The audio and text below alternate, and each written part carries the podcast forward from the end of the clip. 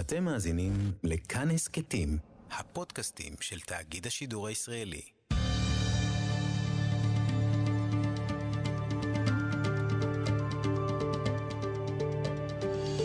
כיוון הרוח עם בני טייטלבוים שלום, בפרק הזה נדבר על שמרנות וכפייה במקום מול שינויים בגלל שהמציאות הרי משתנה ואינה קופאת במקום. לפי ההלכה למשל, אסור להתגלח בחול המועד כדי לעודד אנשים להתגלח לפני החג, שיראו במיטבם בחג. בימינו תוצאה הפוכה. בעיצומה של שמחת החג, אנשים נראים כאבלים, הם לא מגולחים.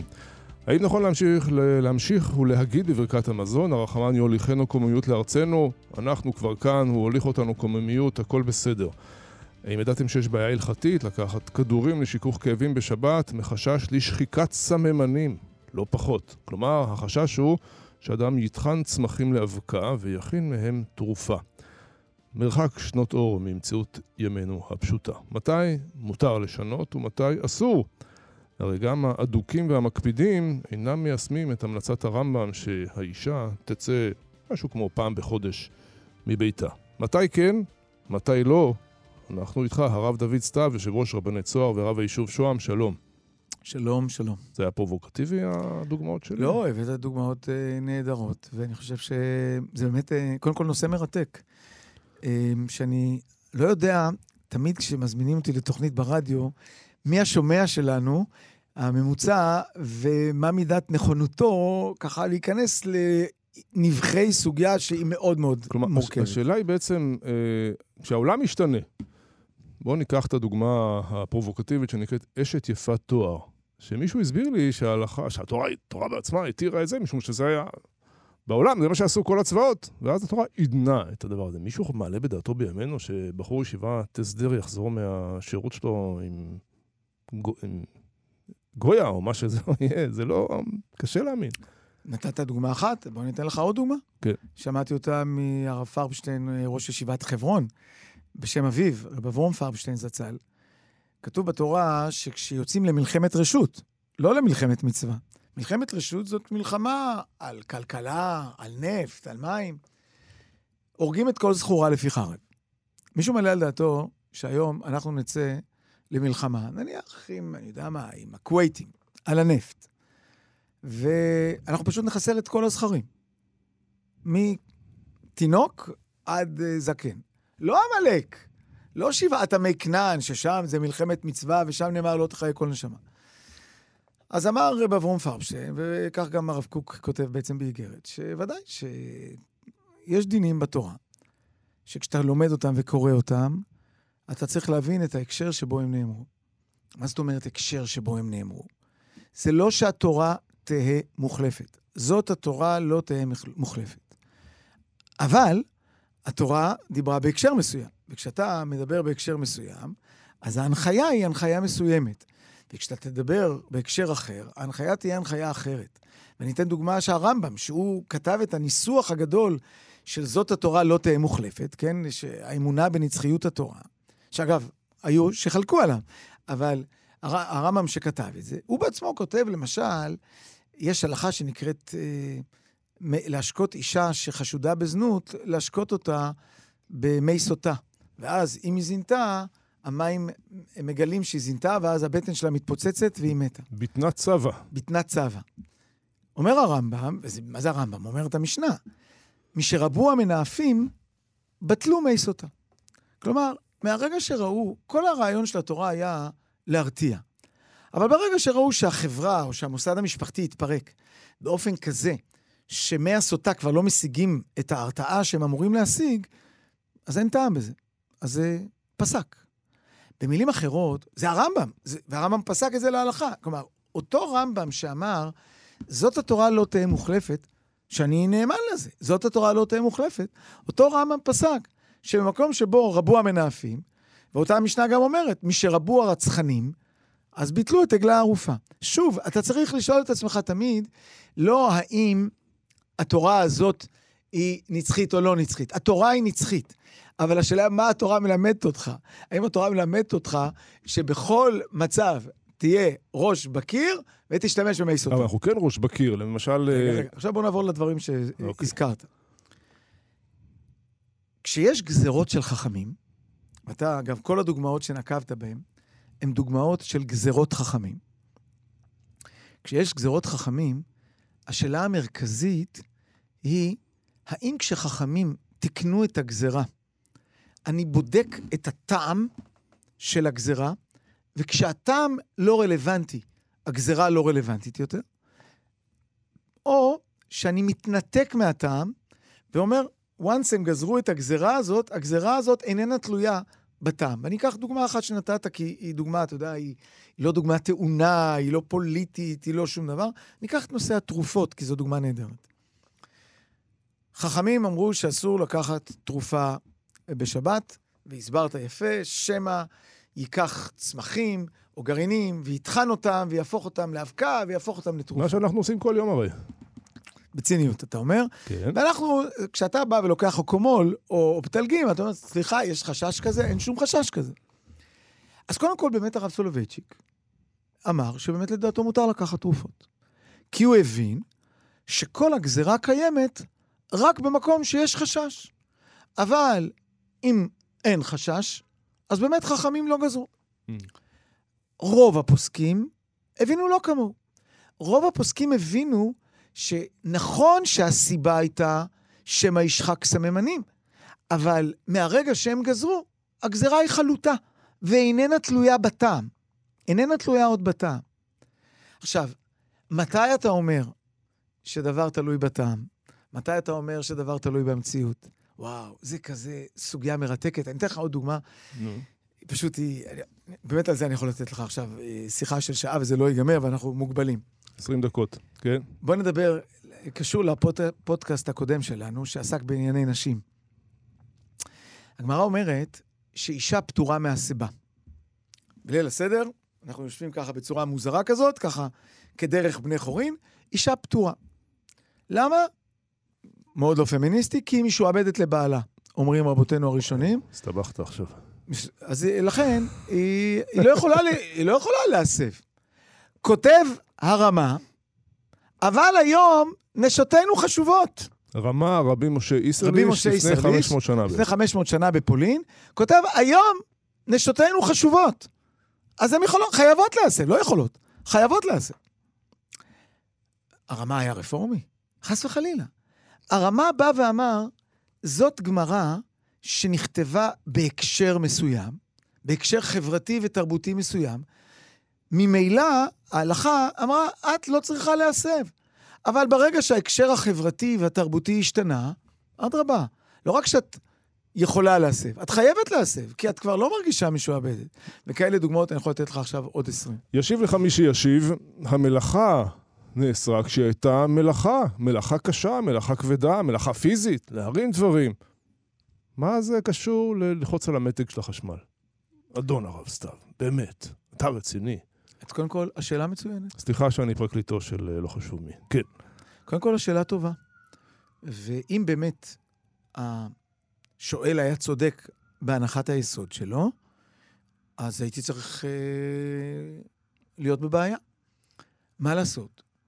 ורבותינו אומרים לנו הגדרה אחרת לגבי איסור מלאכה. הרי בעיקרון, אדם מותר לו לקחת את השולחן הכבד הזה שבו עכשיו אני נמצא לידך, ויכול לטלטל אותו מקצה לקצה כל היום כולו, למרות שזה מאוד כבד ומאוד קשה לשאת את השולחן, והתורה לא אסרה את זה בשבת. ולעומת זאת, אני אקח מלאכה שעליה אין ויכוח שהיא לא מלאכה, היא לא מלאכה קשה, היא לא מלאכה מסובכת, למחוק, לכתוב שתי אותיות. אף אחד לא חושב שלכתוב שתי אותיות זה מלאכה מסובכת. והנה, לצבוע, אחת מ-39 אבות מלאכה. והנה ההלכה אסרה את זה. כלומר, ההגדרה של מלאכה שנאסרה בשבת לא קשורה בכלל לקושי שלה, היא קשורה ליצירתיות שבה.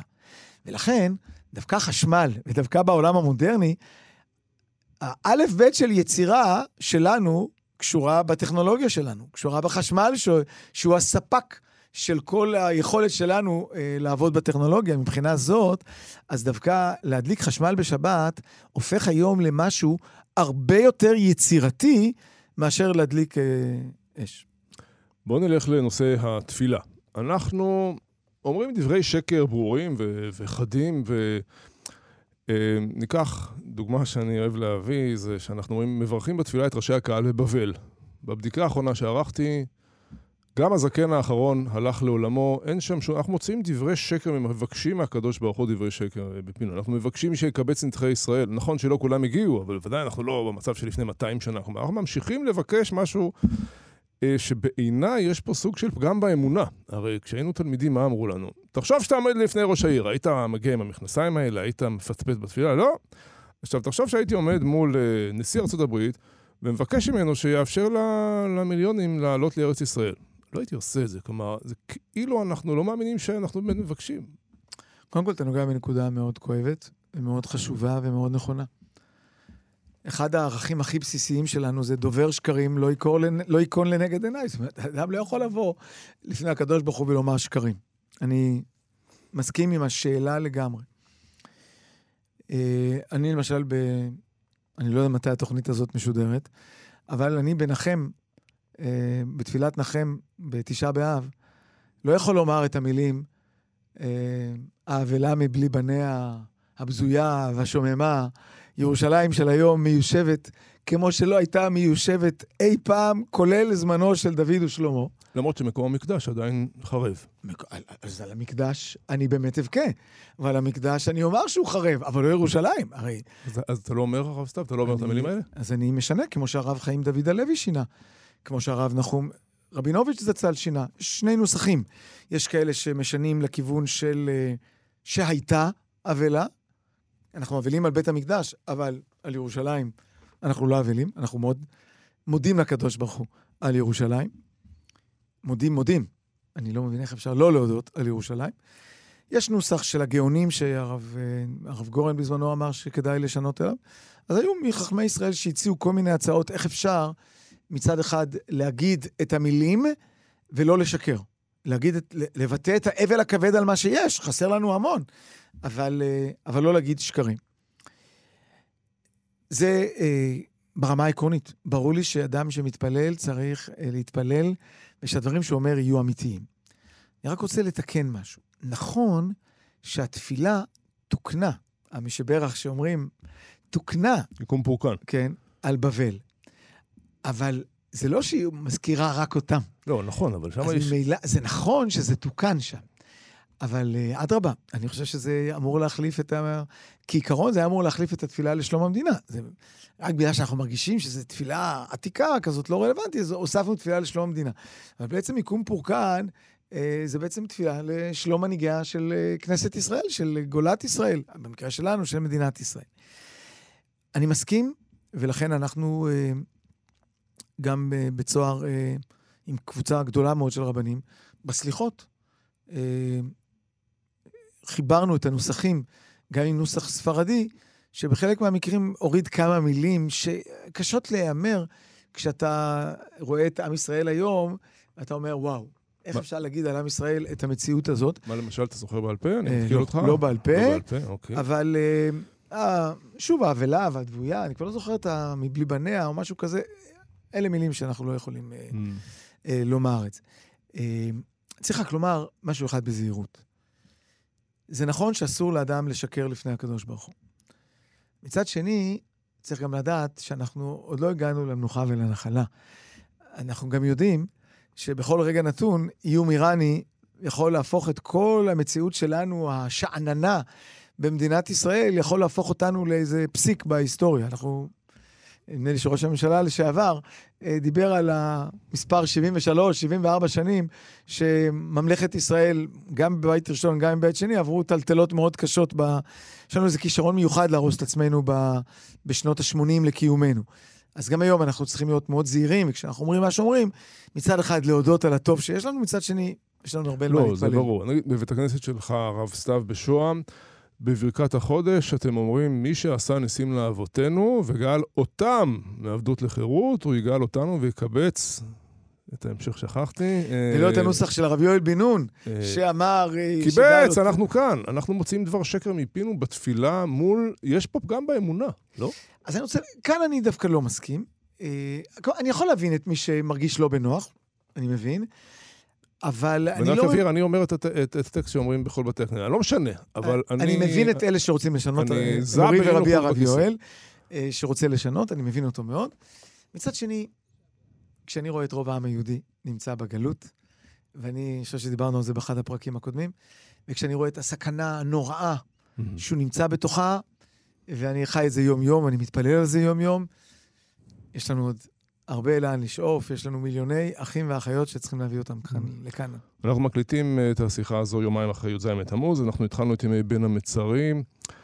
הצומות צריכים להישאר כפי שהיו, כלומר, אנחנו מתאבלים על אובדן העצמאות המדינית ועל חורבן בית המקדש, באותה מידה שרש"י עשה את זה לפני אלף שנה. יש כאלה שאומרים, אני צם עד הצהריים בי"ז בתמוז, כי בכל אופן קרה משהו, לא יכול להתעלם מהמציאות הפשוטה.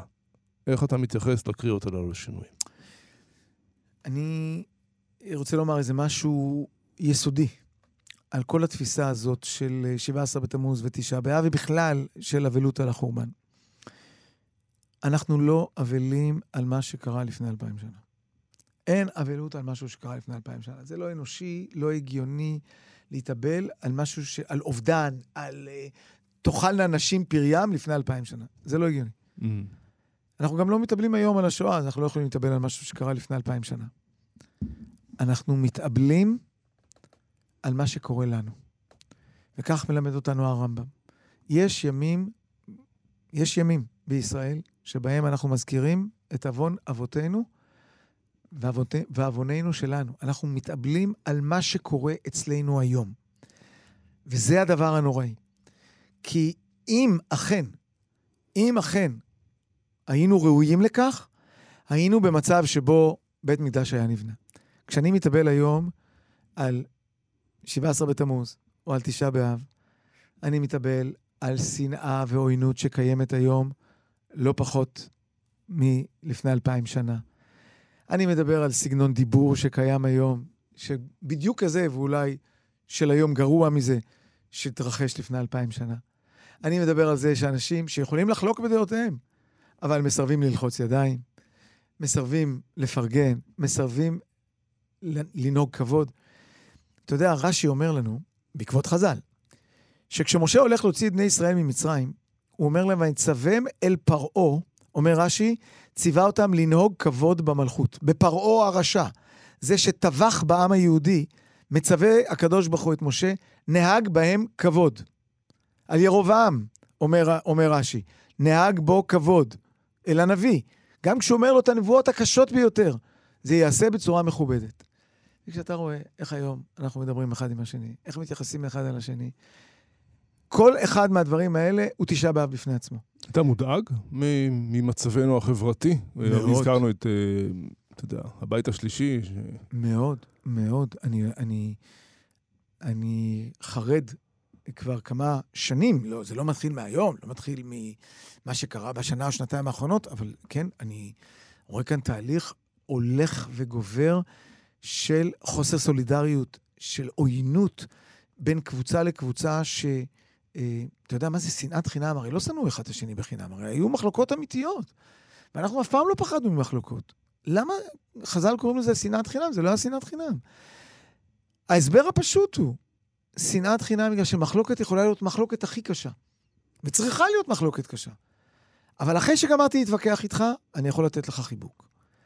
ותדע לך, אם אחרי שהתווכחתי איתך, אני לא יכול לתת לך חיבוק, זה אומר שאני לא בוויכוח איתך, אני לא במחלוקת איתך, אני בשנאה איתך. מדד החיבוק, או מדד השנאה אחרי המחלוקת, הוא המדד של אה, שנאת חינם או לא. כשבית שמאי ובית הלל נחלקו ביניהם, והיו ביניהם מחלוקות קשות, קשות מאוד, ולא נמנעו מלהשיא זה לזה, זה אומר, אוקיי, יש לנו מחלוקת. אבל משפחה זה משפחה, חברים זה חברים. בואו, אנחנו מתחתנים ביחד, שותים ביחד, אוכלים ביחד, אחר כך נריב. אגב, לפעמים המריבה נגמרה בשפיכות דמים. לפי מסורות מסוימות, חלק מהמחלוקות היו אלימות. אבל אמרנו, נגמרה המחלוקת, הוכרעה המחלוקת, עכשיו בואו נשב ונשתה כוס יין. השיח שלנו היום הופך להיות יותר ויותר אה, אלים, והמלבים שלו הם מנהיגי הציבור. לא הציבור הפשוט. הציבור הפשוט צוחק אחד עם השני, או יכול לצחוק אחד עם השני, אבל ככל שמנהיגיו מלבים עוד יותר את השיח העוין, הופך את תשעה באב ו-17 בתמוז לימים יותר רלוונטיים מתמיד. ברור שי"ז בתמוז של היום הוא לא י"ז בתמוז של רש"י, של מסעות הצלב. ברוך השם, זכינו למדינה, זכינו לכל כך הרבה דברים נפלאים, שלא זכינו בהם מאז בית שני, וחלק מהדברים לא זכינו להם מאז בית ראשון. ברור, יש לנו זכות עצומה לחיות בדור הזה. אבל בה בעת אנחנו נמצאים במציאות חברתית ורוחנית, שבה איש את רעהו חיים, בול- חיים בולעים, והמשמעות של זה היא נורא. חשש ממש ממלחמת אזרחים, יד איש באחיו. אני לא יודע אם להגיד יד איש באחיו במלחמה מחר בבוקר, בעיניי אה, אה, פגיעה אלימה ומתן לגיטימציה של האחד לשני, היא לא פחות חמורה מיד איש באחיו. לא צריך שאני אירה בך כדי שאתה תהיה מישהו אחר. מספיק שאתה תהיה לא לגיטימי בעיניי, כדי ש... לא לגיטימי, לא שאני מסכים איתך, מותר לו להסכים על כל דבר.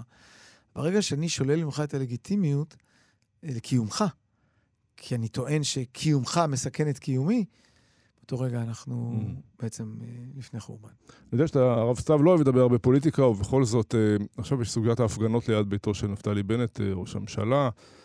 הייתה את הסוגיה של ההפגנות ליד ביתו של בנימין נתניהו, כשהיה ראש הממשלה ברחוב בלפור. רבנים לא שומעים מספיק את דעותיכם בנושאים הללו, שהם כאילו לא הלכתיים, אבל הם עניינים מדינת, מדינתיים. בכלל יש שאלה לגבי הלגיטימיות של בנט, יש כאלה, אני לא מכיר שהוא ראש ממשלה. תראה, אני קודם כל רוצה לומר, אה, לחלק את השאלה שלך לשתיים. אני חושב שרבנים, בגדול, כמו שאמרתי לך לפני כן, בתחילת השידור היום, אה, על אה, כהנים וישראלים, כמו שאני לא רוצה שכהנים יעסקו, ינהלו את המדינה, אמרתי את זה ביחס ליהודה המכבי, אני לא רוצה שהמלכים יתערבו בכהונה. אה, אותו דבר אני גם לא רוצה עם רבנים. אני חושב שרבנים צריכים להיות שייכים לתורה. והתורה לא שייכת למפלגה. והם לא צריכים... כשאני רואה רב אומר צריך להצביע למפלגה מסוימת, אני... אם הוא אומר זה כאדם, זה בסדר גמור. מותר לו, כמו שמותר לפרופסור לספרות, או לגנרל לשעבר, לשעבר בצה"ל, אה, לומר, תצביע לפלוני או לאלמוני. זה בסדר גמור. אבל אם הוא אומר, דעת התורה להצביע למפלגה מסוימת, אני מתמלא חלחלה. כי זה אומר שאם אני חושב אחרת ממך, אז אני הולך הפוך מדעת התורה. זאת אומרת שמיליונים של אזרחי ישראל שלא הצביעו למפלגות שגדולי עולם אמרו להצביע למפלגה מסוימת, הם הלכו נגד התורה. נראה בעיניי נורא ואיום. לא, לא, לא יכול להיות, לא, לא מתקבל על הדעת. כן, אבל מה שקורה, ששומעים אה. את אנשי הרוח, את הסופרים, והרבנים שהם אה, אז רגע, רגע, אז אני רוצה להגיד. אז לגבי נושאים פוליטיים ספציפיים, פוליטיים או מפלגתיים, זה שונה. מפלגתיים, אני חושב שנכון שרבנים לא יתערבו. ולכן, אה, בנושאים כאלה, אני ממש לא משמיע קול, ואני מקפיד על כך מאוד. אני חושב שאפילו אה, בני ביתי לא יודעים אה, ברוב המקרים למי אני מצביע. אני לא, זה, זה נושא שביני לבין אשתי, לבין קוני, לא לבין, אה, לא לבין אה, האחרים. נושא אחר הוא כשעולות על הפרק שאלות ערכיות. אם זה איך מדברים על ראש ממשלה, בין אם זה נתניהו, בין אם זה בנט, אה, לגיטימיות של שלטון, אה, אפילו הפגנות. מה מידת הלגיטימיות של ההפגנות במקום כזה או במקום אחר? אני חושב שמרכז האתיקה של צוהר אה, הוציא ניירות עמדה בנושאים האלה עוד בזמן ההפגנות אה, נגד בנט. אני חושב שצריכה צריכה להיות איזושהי מידתיות בין מצד אחד החופש להפגין, ומצד שני אה, לא לפגוע בבני משפחה או בשכנים. צריך לשמור על איזון. בוא נהיה. מעשיים, הרב סתיו. אה, כן. כניסת אה, הישענות ממשלה על אה, מפלגה ערבית, טוב או לא טוב? אני, כמו שאתה יודע, לא עוסק בפוליטיקה. זה פוליטי, זה תורני, זה זה מדינתי, בראש זה ערכי. ובראשונה פוליטיקה. אני אסביר למה זה פוליטיקה. זה לא רק פוליטיקה. לא. זה רק פוליטיקה. זה רק פוליטיקה, מכיוון שאין סעיף בשולחן ערוך שאומר שאסור להישען למפלגה ערבית. אני מניח שזה לא במקרה שבמשך עשרות רבות בשנים, אה, ממשלות מימין ומשמאל השתדלו לא להישען על מפלגות אנטי-ציוניות. אלה עובדות. אגב, אני גם לא אוהב את המשחקים האלה שמדברים על רוב יהודי ורוב לא יהודי, כי הרי צריך לזכור, זה לא רק ש... זה נכון שהקואליציה נשענת על רוב ערבי, את ה-61 מגיעים עם רוב ערבי, אבל גם האופוזיציה מקבלת את כוחה מחמש או שש קולות מהצד השני. אני לא רוצה להיכנס לקטנוניות, אני לא רוצה להיכנס למקום הזה. אגב, מה דינו של חבר כנסת ערבי או דרוזי, אם הוא במפלגת העבודה, או במרץ, או ב- בליכוד? זה בשינוי כבר. האם זה דין אחר? אולי זה איסור דרבנן, זאת לא סוגיה- דאורייתא. זאת לא סוגיה פוליטית, זאת לא סוגיה הלכתית, זו סוגיה פוליטית, הבנתי. שיש לה כמובן משמעויות רבות, אני לא עוסק בזה. פינוי היישוב אביתר, סוגיה פוליטית? סוגיה מדינית? סוגיה הלכתית? סוגיה פוליטית לגמרי. באמת? חד משמעית. אין בזה איסור הלכתי לפנות, אין בזה איסור הלכתי להשאיר, זה פוליטיקה בעלמא. למה? למה? אבל- אבל- מסיבה מאוד אין לנו פשוטה. סיבה ליישב את הארץ, ושם יש להם, אה, מתמודדים עם אה, עשן כבד שמעיפים על האנשים. אין לנו מצווה להיאחז באדמת הארץ? יש מצווה גדולה להיאחז באדמת נו. הארץ. אז אם אני עכשיו, אנחנו נמצאים בתל אביב, אם אני אבוא עכשיו לאמצע כביש, אה, לאמצע נתיבי איילון ויגיד, אני על הכביש רוצה עכשיו לבנות בית. או, מצווה לי- רגע, רגע, רגע. פופוליזם. לא, לא, לא פופוליזם. לא, לא, שנייה. זכותה של ממשלה להחליט איפה היא רוצה ליישב, כיצד היא רוצה ליישב. זה נתון לשיקול דעתה. כשאתה שואל אותי, האם יש מצווה ליישב את ארץ ישראל, התשובה היא כן. לא, כשאתה אני- שואל אותי, האם על כל גבעה וגבעה אני עכשיו צריך לבנות בית והממשלה חייבת לאשר את זה, התשובה היא לא. לא. הממשלה תחליט לפי שיקוליה מתי מיישבים, איך מיישבים, כמה מיישבים. כשאני שואל אותך, הרב דוד סתיו, אם יש אלפי מבנים לא חוקיים ולא הורסים אותם, ורק את אביתר הורסים, האם כרב יש לך מה לומר על כך? אה, עכשיו שאלת שאלה אחרת, זאת. לא אותה שאלה. בשביל זה אני מקבל פה 100 אלף דולר לשבוע. כן. עכשיו שאלת שאלה אחרת. זה דבר שהוא פגום ברמה המוסרית. לא, אני עכשיו לא מדבר איתך פוליטית, אני מדבר איתך מוסרית. נורא ואיום. איך יכול להיות שממשלה עוקפת בצורה. אה, זה אגב סעיף בשולחן ערוך, שעוסק בשאלה האם יכול להיות מצב שבו החלטת ממשלה תתייחס לקבוצה אחת, היא תנהג דין אחד בקבוצה אחת, ודין שני בקבוצה אחרת, וכאן התשובה היא חד משמעית. נדמה לי שגם, זו גם התפיסה הבסיסית בחוק בישראל, נכון. שדין אחד צריך להיות לכולם. זאת כבר שאלה ערכית. אבל אל תגיד לי, האם ממשלה מותר לה לפנות את אביתר? מותר לה. האם היא עוברת על ההלכה? לא. האם זה מוסרי שהיא מפנה את אביתר ולא מפנה את אה, ח'אן אל-אחמר? לא, זה לא מוסרי. חוק האזרחות, החוק שאוסר על איחוד משפחות, זה סוגיה פוליטית, סוגיה, אה, סוגיה של עם ישראל. פה יש פה חשש לדמוגרפיה, לאובדן הרוב הדמוגרפי. זו החלטה של ממשלת ישראל, איך היא נלחמת בהגירה ערבית שיכולה להביא טרור, בהגירה ערבית שיכולה להביא, לשנות את המאזן הדמוגרפי. בוודאי זאת שאלה פוליטית של ממשלת ישראל. אם היו שואלים אותי, האם ראוי להעצים את הרוב היהודי בארץ ישראל, ובין היתר אה, לנקוט ברשימה של צעדים, אני אגיד, חבר'ה, אני לא מומחה לדמוגרפיה. אם אתם שואלים אותי, האם יש ערך שבמדינת ישראל יהיה רוב יהודי גדול? כן, יש ערך כזה. האם חוק האזרחות זה הדרך, או חוק אחר, או חוק שלישי, או חוק רביעי? אני לא, אני לא פוליטיקאי. אני יודע שאתה בעיקשות רוצה להוציא ממני הצהרות אז פוליטיות. זה כותרת, נו ברור. לא, אני מה? ממש מתנצל, אני לא הולך לספק לך אותה. הבנתי. חוק האזרחות זו החלטה מדינית. אני חושב שיש בו היגיון רב, אבל, אבל לא כרב אני אומר את זה, כאדם שאני מקווה שיש לו קצת שכל, אני חושב שהוא הגיוני. עוד שנתיים אה, אני חייב בכל אופן לשאול שוב, אתה מתמודד על תפקיד הרב הראשי לישראל? לא יודע. זה לא אובססיה. אה, התמודדת פעם קודמת. התמודדתי פעם קודמת, הפסדתי. אמ, לא קרה כלום. אנחנו המשכנו לפעול. צוהר מלבלב ומשגשג היום כמו שהוא לא... שלא עשה אי פעם בכל התחומים. אמ, בכשרות עשיתם את ה... הגעתם למספרים שרציתם? עוד לא הגענו למספרים, אנחנו בדרך. אנחנו ב-250. בעזרת השם, ייקח עוד שנתיים-שלוש, נגיע ל-800 שאנחנו חפצים, בעזרת השם. אה, אבל זה לא המגמה. המגמה היא בעיקר להגיע למצב שבו במדינת ישראל תהיה כשרות יותר טובה ותהיה תחרות יותר טובה ולא יהיה מונופול הכשרות. אה, זהו, אם בעוד שנתיים נרוץ או לא, נחכה, יש לנו עוד... אתה בטח תראיין אותי עד אז יותר מפעם אחת. נשמח שתבוא.